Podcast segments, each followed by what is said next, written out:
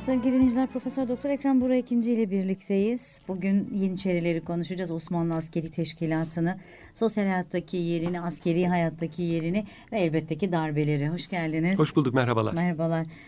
Ee, Osmanlı askeri düzen deyince sadece Yeniçerileri mi hatırlarız? Şimdi kime sorsanız Yeniçeriler diyor. Yani Hı. bütün romanlarda, filmlerde, hikayelerde herkesin gözünde Osmanlı askeri dendiği zaman akla gelen figür Yeniçeri figürüdür. Onun da malum kendisine mahsus bir kıyafeti vardır. Hı. Keçe külahı, işte silahları, kıyafetiyle.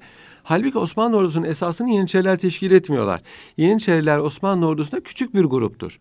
Osmanlı ordusu mesela Kanuni Sultan Süleyman zamanında en kalabalık 200-300 bin kişilik mevcudunun yani yüzde yirmisi bile değildir Yeniçeriler. Onun dışında taşradan gelen... Eyalet askerleridir. Önce onu söyleyelim. Eyalet askerleridir. Bunlar kimdir? Eyalet askerleri hafif e, süvari ve hafif piyadelerdir.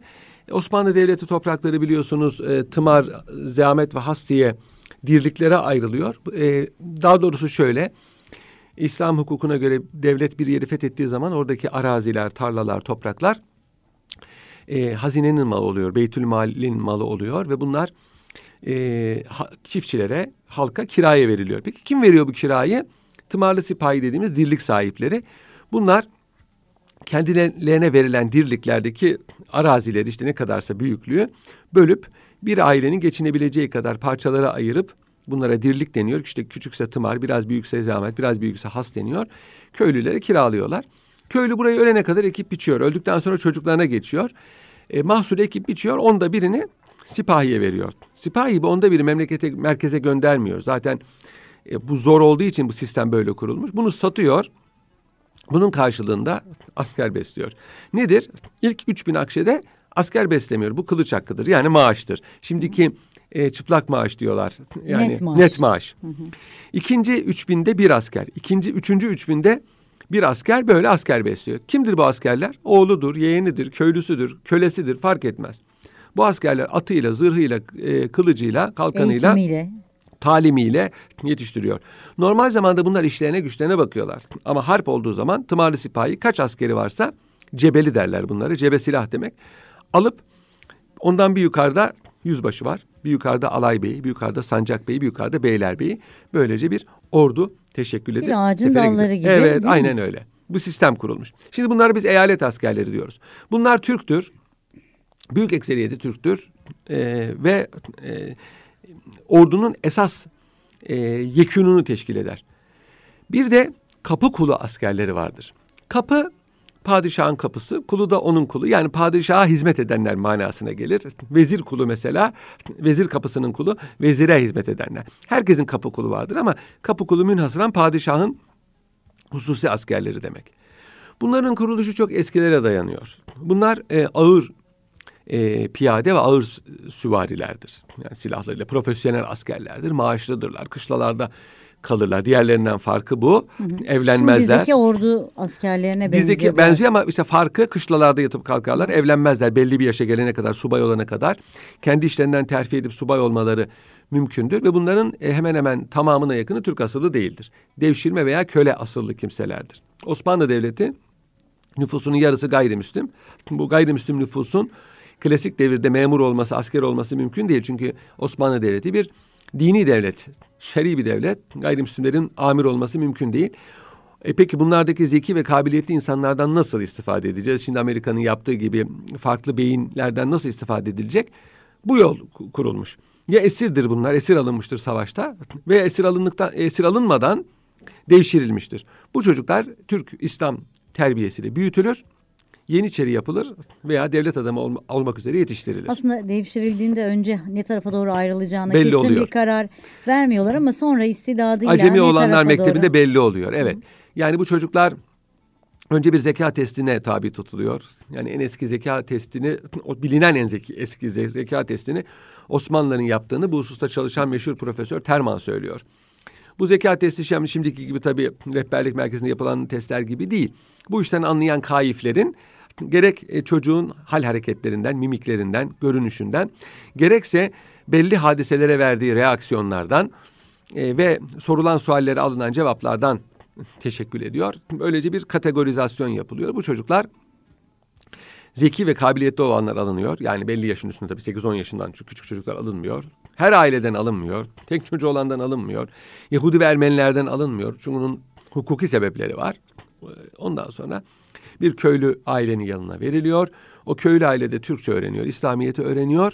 Ondan sonra Acemi olanlar mektebine alınıyor. Bugünkü ilkokulun muadilidir. Edirne'de var, İstanbul'da var. Şimdiki İbrahim Paşa Sarayı, Galatasaray Lisesi birer Acemi olanlar mektebiydi. Burada çocuklar bir kere daha bir sınanıyorlar.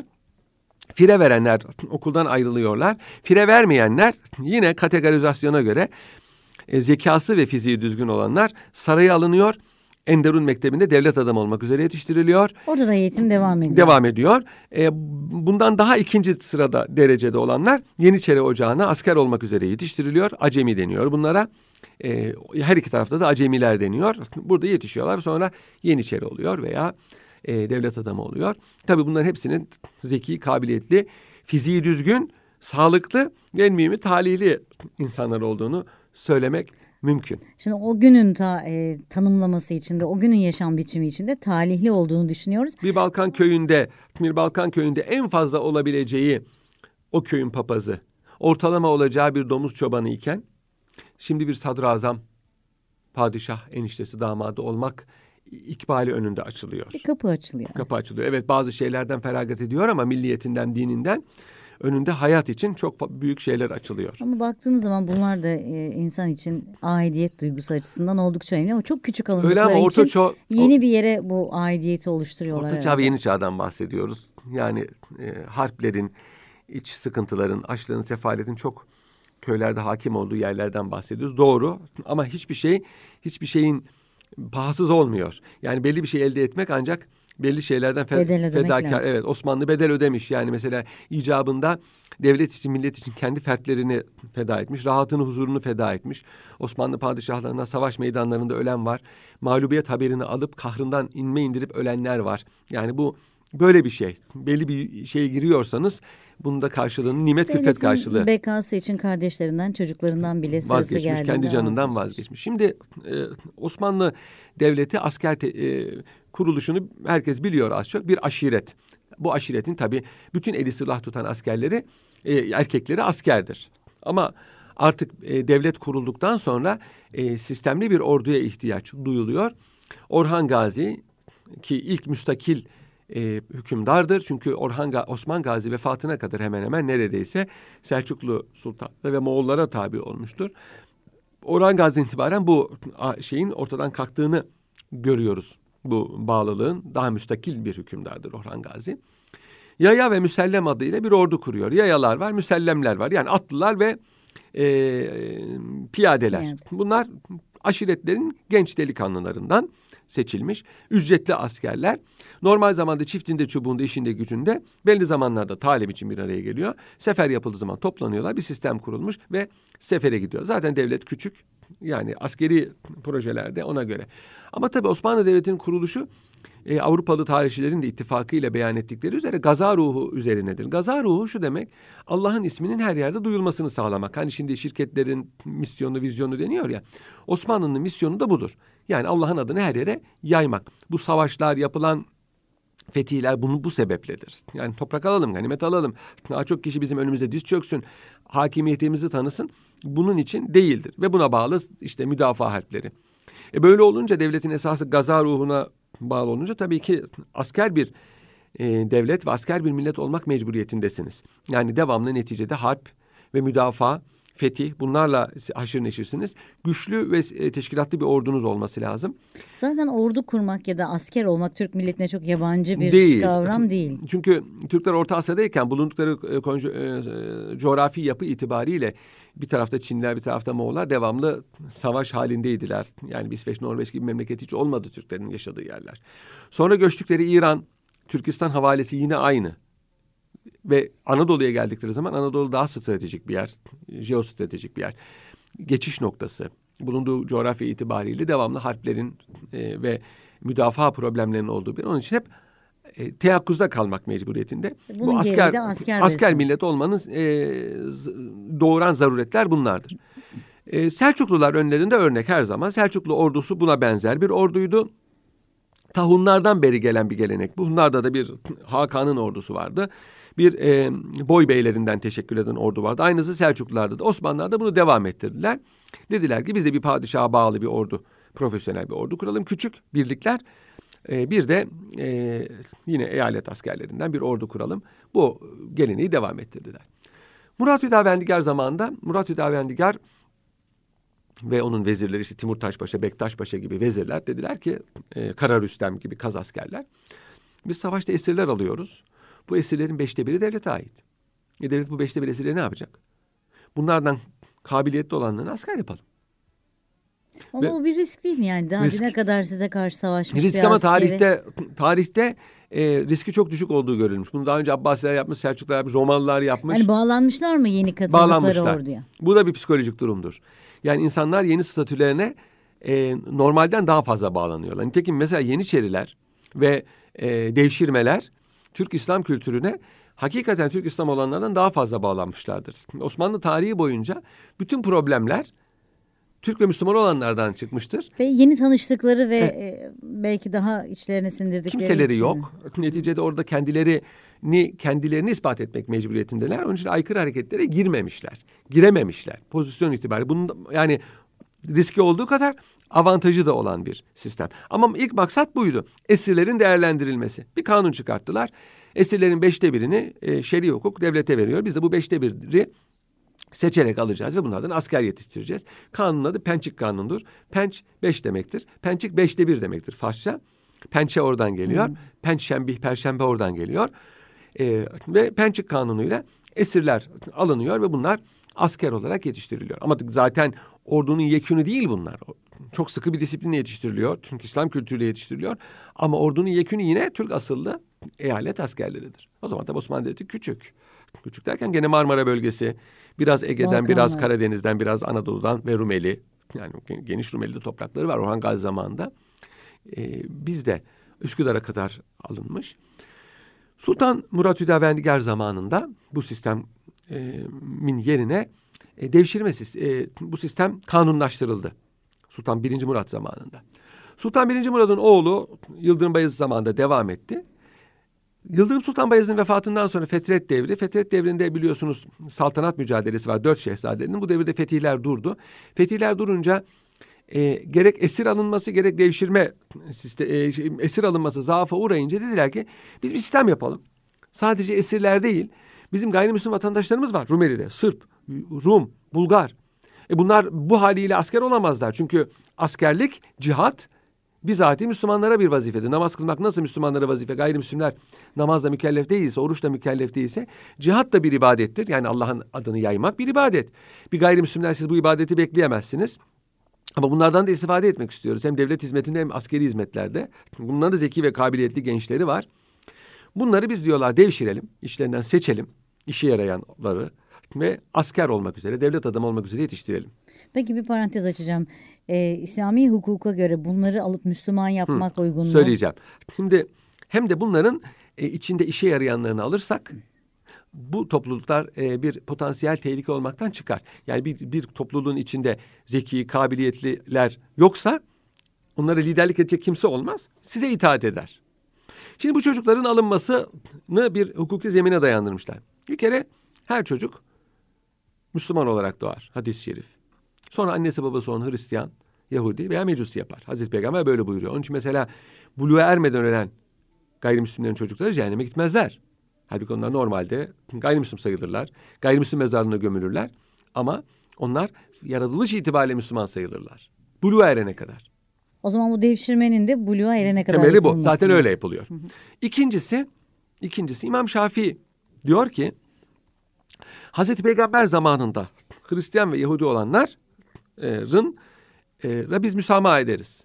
Çünkü onlar bir dine mensuptular. Semavi bir dine. işte İsa Aleyhisselam'a veya Musa neyse. Müsamaha ederiz ve onların çocuklarına da bu dini intikal ettirmelerini müsamaha ederiz. Ama Hazreti Peygamber geldikten sonra artık ne İsa'nın dini ne Mu- Musa'nın dini devam eder. Hepsi Muhammed Aleyhisselam'a e, inanmak mecburiyetindedirler. Yani ehli kitap sayılmazlar. Evet son din çünkü ve, ve onların dinini de ikrar ediyor. Çünkü ne, nereden bilelim biz bu dinin doğru olduğunu? E, sizin peygamberinize itibar ediyor. Sizin peygamberinize kıymet veriyor. İslamiyet'te Hazreti İsa'yı ve Hazreti Musa'ya hakaret eden dinden çıkar. Yani bu kadar ağır hüküm var. Buna rağmen Müslüman olmamışlarsa o zaman biz bunlara Hristiyan ve Yahudi muamelesi yapmayız. Yani bir semavi dine inanıyor muamelesi yapmayız. Diğer ateistlerle, puta tapanlarla aynı muameleyi yaparız. Binaenaleyh biz bunların topraklarını fethettiğimiz zaman bunlara vatandaş statüsü değil, esir statüsü tatbik ederiz diyor İmam Şafii. Osmanlılar Hanefidir. Hanefiler böyle demiyor. Ama Şafiler böyle diyor. Osmanlılar zaman zaman memleketin menfaati için veya umumun menfaati için gerekli gördüklerinde diğer mezheplerin hükümlerinden istifade etmişler. Bu da onlardan bir tanesidir. İşte ulema diyor ki bu çocukların devşirilmesi hem Hazreti Peygamber'in bu hadisi şerifine uygundur hem de İmam Şafii'nin bu iştihadına uygundur. Yani onun için Ermenilerden ve Yahudilerden devşirme alınmıyor. Çünkü bunlar İslamiyet geldiği zaman mevcut olan dinlerdir. Ama Sırplar, Bulgarlar, Rumlar bunlar sonradan e, İslamiyet ortadan gel, çıktıktan sonra Hristiyan olmuş kimselerdir. Onun için bu statüden istifade edemezler. Biz bunları esir muamelesi yaparız. Çocuklarından da istediğimizi alır, e, devşiririz demişler İmam Şafii'ye göre. Peki ee, kısa bir ara vereceğiz hemen arkasından e, Yeniçeri nedir? E, Yeniçeri ocakları ne anlama gelir? Nasıl eğitim alırlar? Üzerine giydiklerinin nasıl anlamları vardır? Ve isyanlardaki rolü nedir? Bunlardan bahsedeceğiz.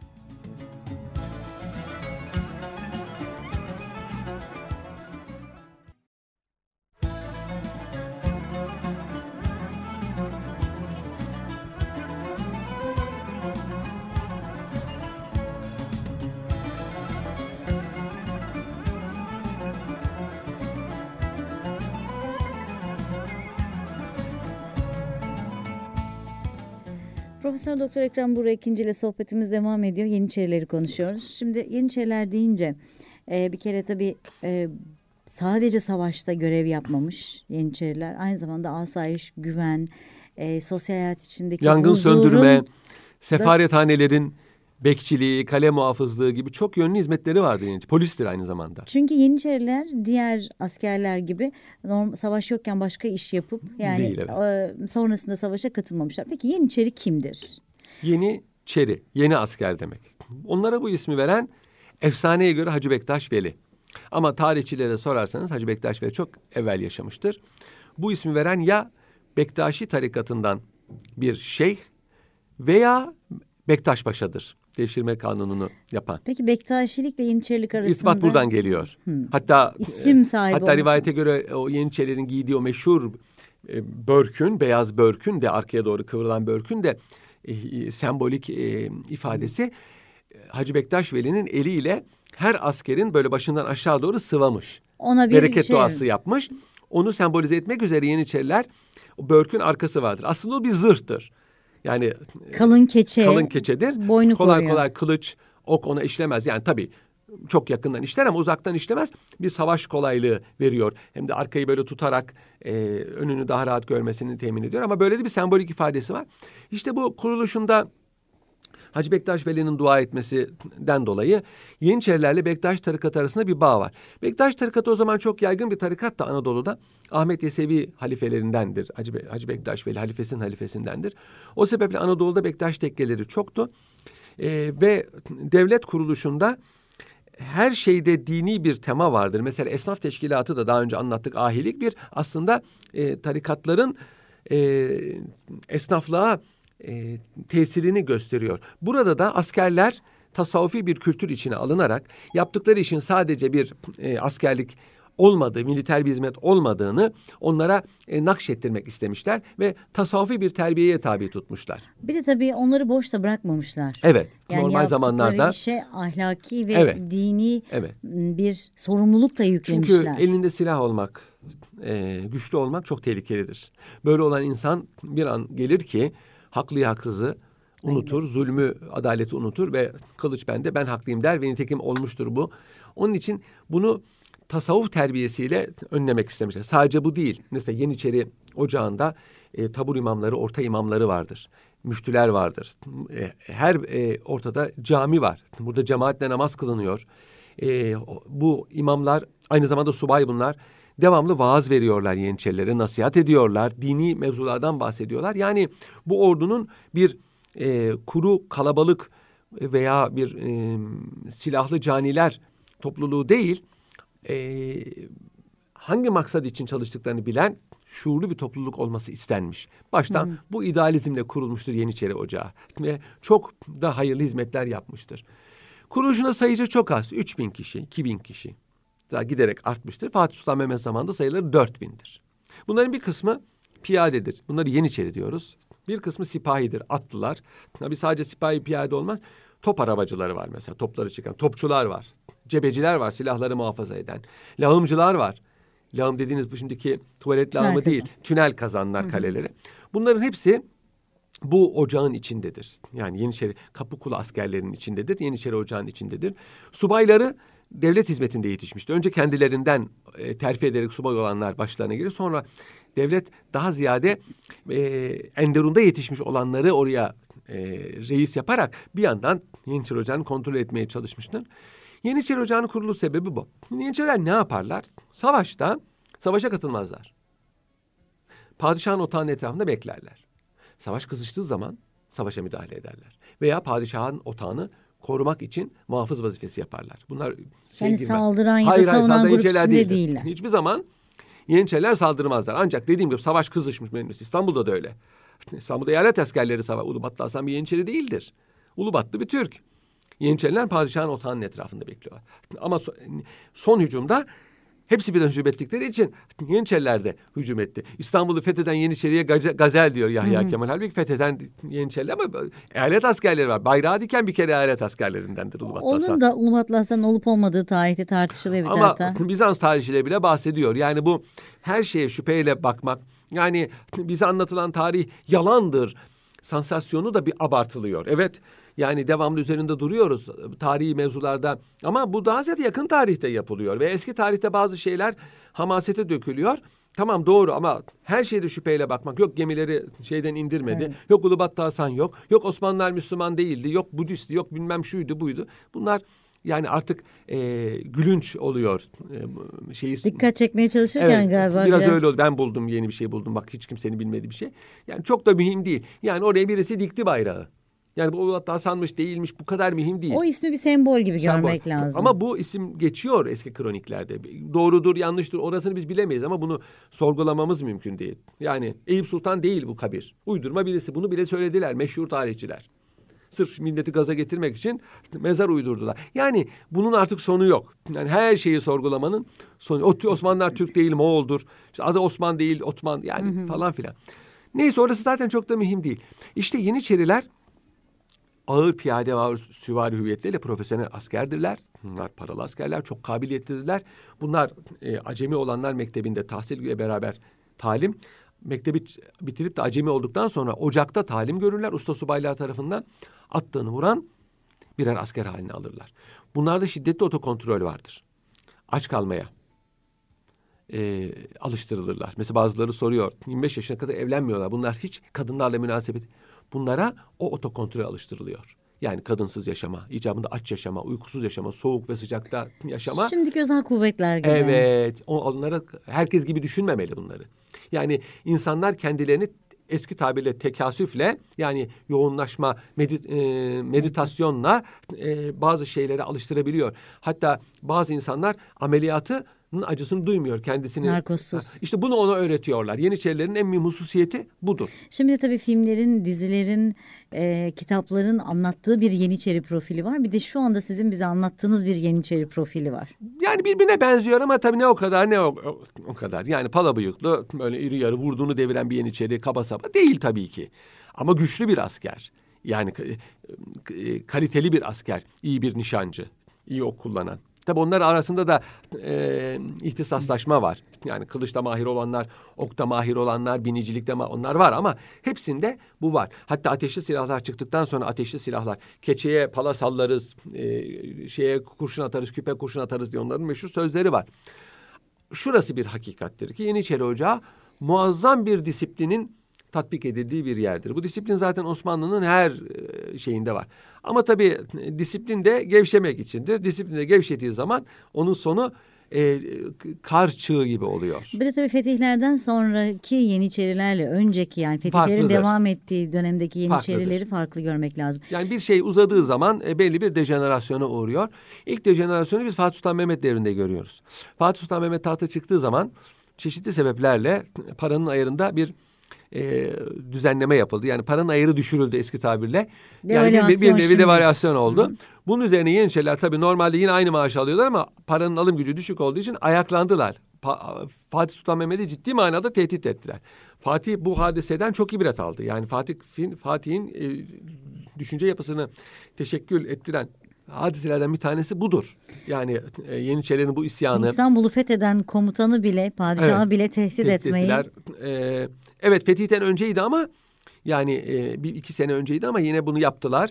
E, Çandarlı Halil Paşa'nın e, vaziyeti, e, dedesi Çelebi Sultan Mehmet'ten din kardeşlerle mücadelesi bunların hepsi Fatih'in kafasında bir yapı. İşte kardeş katlinin kanunlaştırması, devşirme mezirleri vazife hep bunlardandır. Yeniçeri Ocağı'nda zapturapt altına aldı Fatih Sultan Mehmet. Sayıları giderek arttı Yeniçerilerin. 20 bin kişi var Kanuni Sultan Süleyman zamanında. Yarısı sipahi, yarısı Yeniçeri olmak üzere. Sultan 4. Murat zamanında yani 100 yıl sonra 100 bin kişi var. Tabii bunların çoğu e, Yeniçeri falan değil. Kağıt üzerinde Yeniçeri. Kimileri ölmüş hala daha e, defterde ismi düşülmemiş. Maaşını başkaları alıyor. Kiminin çocukları getirilmiş, kaydolmuş, kul olanlar. Öyle bir sistem var.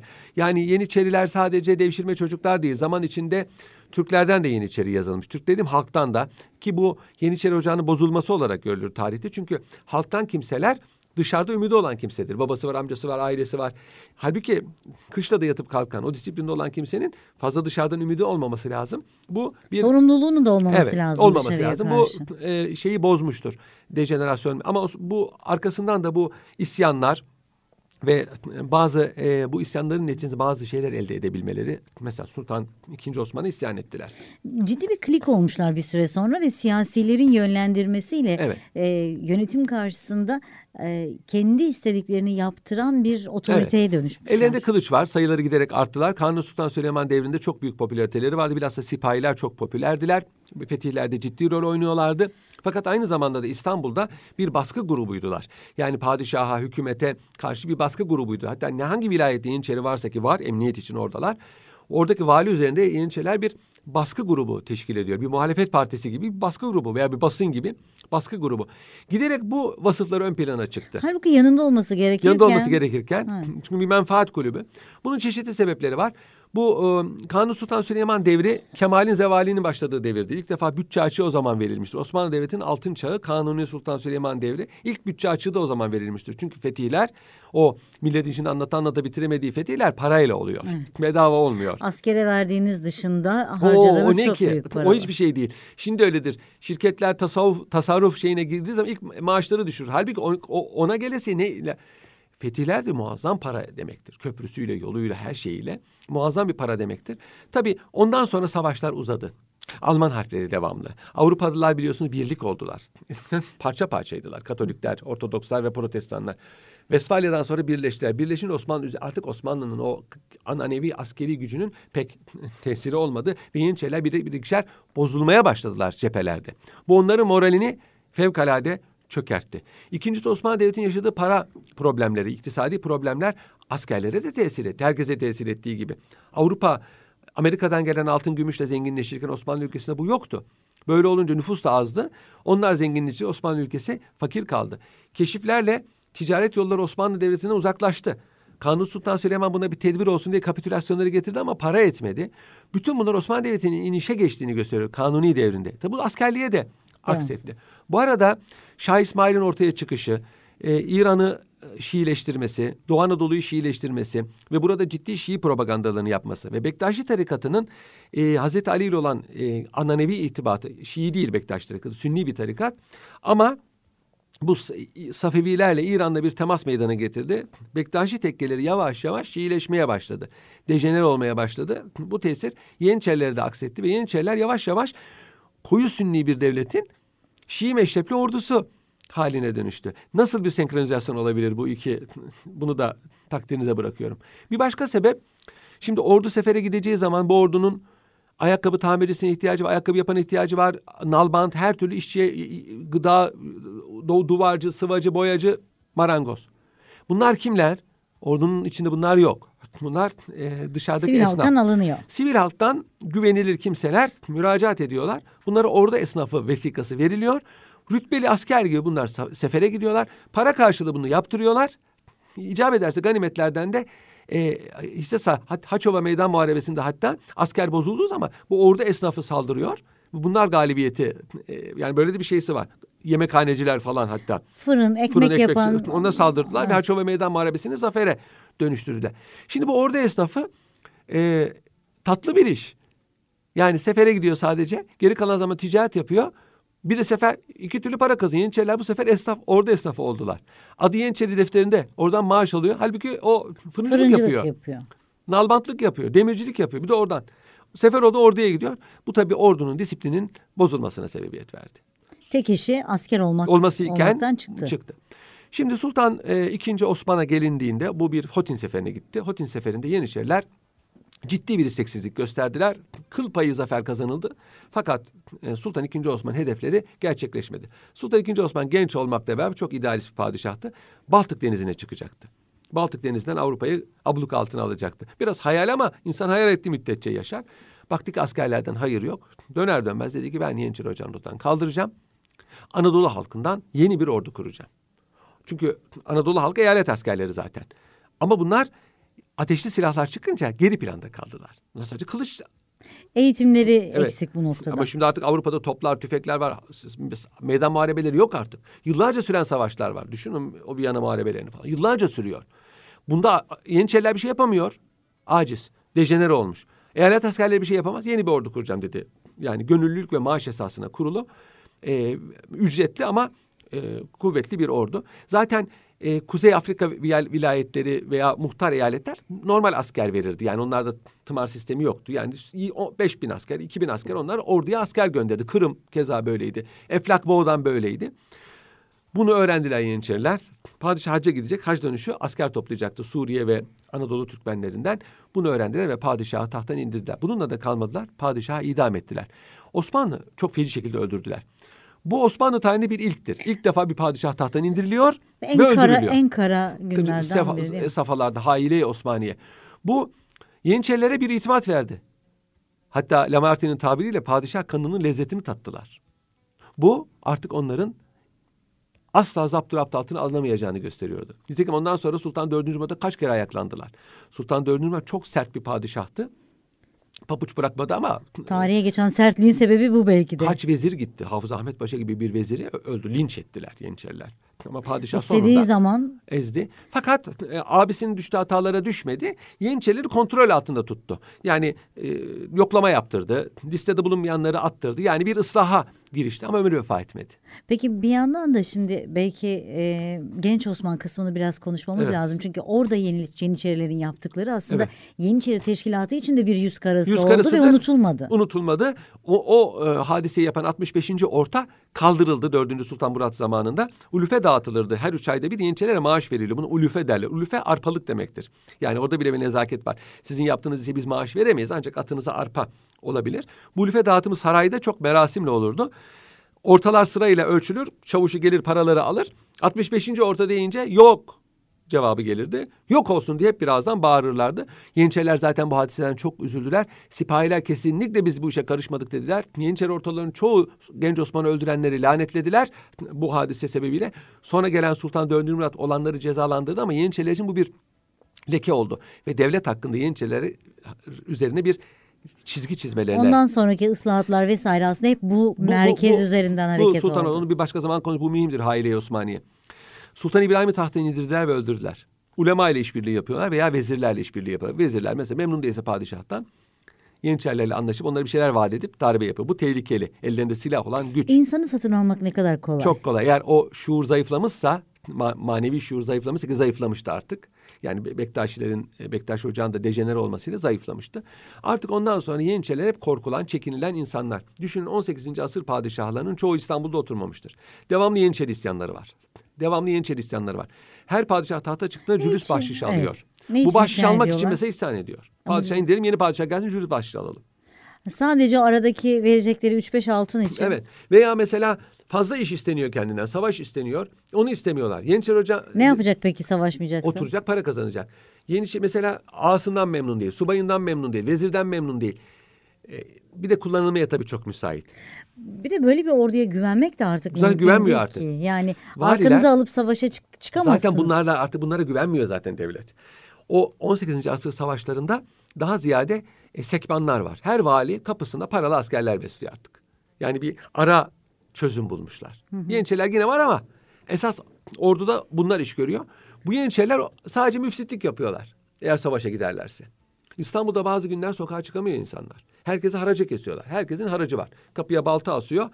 O balta hangi ocağa aitse, ortaya aitse birliğe, bölüye ona ma- haraç ödüyor insanlar. Ve Mafya olmuşlar Mafya yani. olmuşlar. Padişahlar çaresiz kaldılar. En son biliyorsunuz Sultan 3. Selim Yeniçeri Ocağı'nı ortadan kaldırmaya azmetti. Bir önce bir Nizam-ı Cedid ordusu kurdu ki alternatif fakat Yeniçeriler erken davrandılar. Sultan 3. Selim de bir merhametli bir padişahtı. Merhametten maraz doğar. Üzerine gitmedi, affedici oldu. Bu onun sonunu getirdi. Yeniçeriler ayaklandılar, padişahı tahttan indirdiler. Nizam-ı Cedid'i dağıttılar. Padişahın tekrar tahta çıkacağı tehlikesiyle onu öldürdüler. Ve ondan sonra Sultan 4. Mustafa var. Sonra Sultan 2. Mahmut tahta çıktı. Sultan 2. Mahmut tahta çıktığında Yeniçeriler hakikaten bir e, kangren olmuş bir uzuv gibiydi. Ha bunun benzeri Roma'da da var. Ekütatus'ta peditatuslar var. Yayalar, piyadeler. E, e, Strelitsi var e, şeyde. Leibgeist var e, Avusturya'da. Benzerleri var ama Çarpetro mesela devresi devri bitmiş olan bu sınıfı kaldırdı. Bu ilham verdi Osmanlılara. Sultan II. Mahmut artık bu ocağın behemal kaldırılmasını düşündü. Islahı falan kabil değil dedi. Bunu biz kaldırmalıyız. Tamamen kaldırmalıyız. Ama zamanını bekledi. Çünkü hala çok güçlülerdi. Ve 1826 senesinde e, devlet adamlarını yanına alarak Yeniçeri Ocağı'nın başına kendi adamını tayin ederek halkla onu destekleyerek Sancağı Şerif çıkarıldı ve Yeniçeri Ocağı kışlası topa tutuldu. E, Yeniçerilerden bir kısım padişahı tutuyordu. Bu da bir tür darbe aslında Darbedir. değil evet. mi? E, Topçular, cebeciler padişahın yanındaydılar ve Yeniçeri Ocağı topa tutularak ortadan kaldırıldı. Halk ve e, padişaha bağlı askerler buldukları Yeniçeri'yi öldürdüler. Cesetlerini denize attılar. Yeniçerileri dövmelerinden tanıyor. Düşün dövme yaptı. İslamiyet'te dövme olmadığı halde Yeniçeriler dövme yapmaya başlamışlar. Dövmelerinden tanıdılar. Dövmesini kazıtmaya başladı Yeniçeriler. Bu sefer o kazıttıkları yerden e, tanıdılar. Yeniçerilere ait mezar taşları bile kırıldı. Çok az günümüze intikal etmiştir. Ancak İstanbul'un altı hep malum dehliz. O dehlizlere saklananlar bir de bir kayıya atlayıp Karadeniz'e veya işte güneye doğru kaçabilenler kurtuldular. Günümüzde Yani aslında modern bir şekilde seni ilave ediyorum. Seni artık burada onu konumlandıracağım. anlamayacağı Üstü- üçüncü Selim'de anlaşıldı. Evet. Yani Onu yapamadı anladı. bunu Evet, Osmanlı onu ya yapamadı. da belki toplum Şimdi olarak. mesela soyadı 28, 23, 151, 55, 61 diye soyadı olanlar işte o kaçan Yeniçerilerin torunlarıdır. Ortaları- Yeniçerinin aile ismi olmaz ki. Orta ismi onu ifade ediyor. Ben alt- 61. ortadan Ali Beşe. Yani adım o, Evet. bu- budur. Şimdi bazıları e, bir yerine Asakiri Mansure-i Muhammediye denilen gönüllü ve mecburi esasa dayalı bugünkü ordunun Şimdiki ordunun Şimdiki ordunun esasını kurdu. Sultan II. Mahmut. Şimdi bazıları Sultan II. Mahmut'u Yeniçeri Ocağı'nı lağvetmekten dolayı tenkit ederler ve buna delil olarak da hemen arkasından 1828 Osmanlı-Rus Savaşı'ndaki mağlubiyetimizi gösterir. Bu doğru değildir. Bir kere Yeniçeri Ocağı'nın zaten harplerde hiçbir yararlılık göstermediğini 18. asrı boyunca devam eden Osmanlı-Rus harpleri gösteriyor. Yani Yeniçeri Ocağı kalsaydı bile Osmanlı-Rus Harbi'nde hiçbir şey yapamazdı. Ondan önceki iki büyük harpte ne yapmış ki 1828'de ne yapsın? Rum, Yunan isyanında ne yapmış? Bir avuç Yunanlı koskoca Osmanlı ordusunu yenip Yunanistan'da istiklalini ilan etti. Tamam yardım edenler oldu ama o yardım o kadar büyük boyutta değil. Rusya istemedi mesela Yunanistan'ın bağımsız olmasını. İngiltere istedi sadece. Oradan 3-5 tane romantik genç geldi. Buna rağmen Yeniçeriler ki çok Yeniçeri vardı. Mora ve Atina'da e, polis muhafızı olarak. Hiçbiri bir şey yapamadı. Hepsi kaçtılar. Yani Yeniçerilerin artık bitmiş olduğu, işe yaramaz olduğu anlamıştı. Bunu padişah anlamamıştı. Şimdikiler mi anlamışlar? Başka çare. Kangren olmuş bir uzuvdu. Kangren olmuş bir uzuvu iyileştirmek mümkün değil. Kesmezseniz Kesmekten bütün çare yok. vücuda zarar verir. Padişah bunu gördü ve bunu yaptı. Bu hadiseye tarihte vakayı hayriye, hayırlı vaka adı veriliyor ve o zamandan sonra Yeniçerileri at- hatırlatan her şeye karşı bir alerji duyuldu. Hatta padişah Yeniçerileri hatırlatıyor diye eski kıyafetleri değiştirdi. Yani bunu bir, e, bir Cumhuriyet devri inkılabına benzetmemek lazım. Tamamen gene İslami bir kıyafet. Yani Sultan Mahmud'un getirdiği kıyafet gayri İslami değil. Fes şapka değil ama Yeniçeri hatırlatmasın. Resmi kıyafetler zaten halka karışmıyor. Memurlar artık Yeniçeriler gibi giyinmeyecekler. Yeniçeri Daha mezar kısa taşları... bir Evet. Evet. şey, Dize ceket. kadar bir ceket. Buna İstanbul'in adı veriyor. Kravat yok. Altta bol bir pantolon. eee, geniş bir pazar. Nitekim Sultan Mahmud'un ve Sultan Mecid'in resimleri var bu kıyafetler. Ve başta İslamiyet'e uygun bir serpuş olan fes. Ama halk her gene e, o modadır. Onu değiştiremezsiniz. Şimdi Yeniçeri mezar taşlarının kırıldığını söyledim bu alerji. Tabii en kötüsü Yeniçeriliği hatırlattığı için mehter Mehterhane Humayun'un lağvedilmesi olmuştur. Halbuki mehter bölükleri padişahın yanında yer almıştı. Yeniçerilerin değil. Buna rağmen buna rağmen e, Mehterhane'nin kaldırması çok sonradan tekrar kuruldu malum. Cumhuriyet'ten sonra 52'de tekrar kuruldu. Yeniçeri Ocağı ve e, şair kazan devrildi. Söndürdü ocağı diye tarih düşürmüş İzzet Molla. Yeniçeriler böyle bir sırığın ucuna e, iki taraftan tutarlar. Ortasına asılmış kazanla yemeklerini taşırlardı. Ve e, kazan kaldırmak demek isyan etmek manasına gelirdi o zaman. Yeniçeriler kazan kaldırır demek çünkü sembolik bu. Çubuğu alıyorlar boş kazanla yürüdükleri zaman anladınız ki Yeniçeriler o, o, o orta isyan ediyor. Kazan devrildi. İçindeki ocak, Yeniçeri ocağı, ocak aynı zamanda ateş demek, Evet, söndürdü söndü. diye tarih düşmüş ve bütün İstanbul halkı bundan fevkalade memnun olmuştur. Ee, çok teşekkür ediyorum. Belki içinden seçtiğimiz konuları önümüzdeki günlerde büyüteç altına alıp İşte bizdeki darbe geleneğinin esası işte bu Yeniçerilere dayanıyor. Yani Yeniçeri ruhu hala ordunun içinde e, belli kişilerde yaşamıştır ve yaşamaya devam etmektedir. çok teşekkür ediyorum teşekkür tekrar ederim. görüşmek üzere.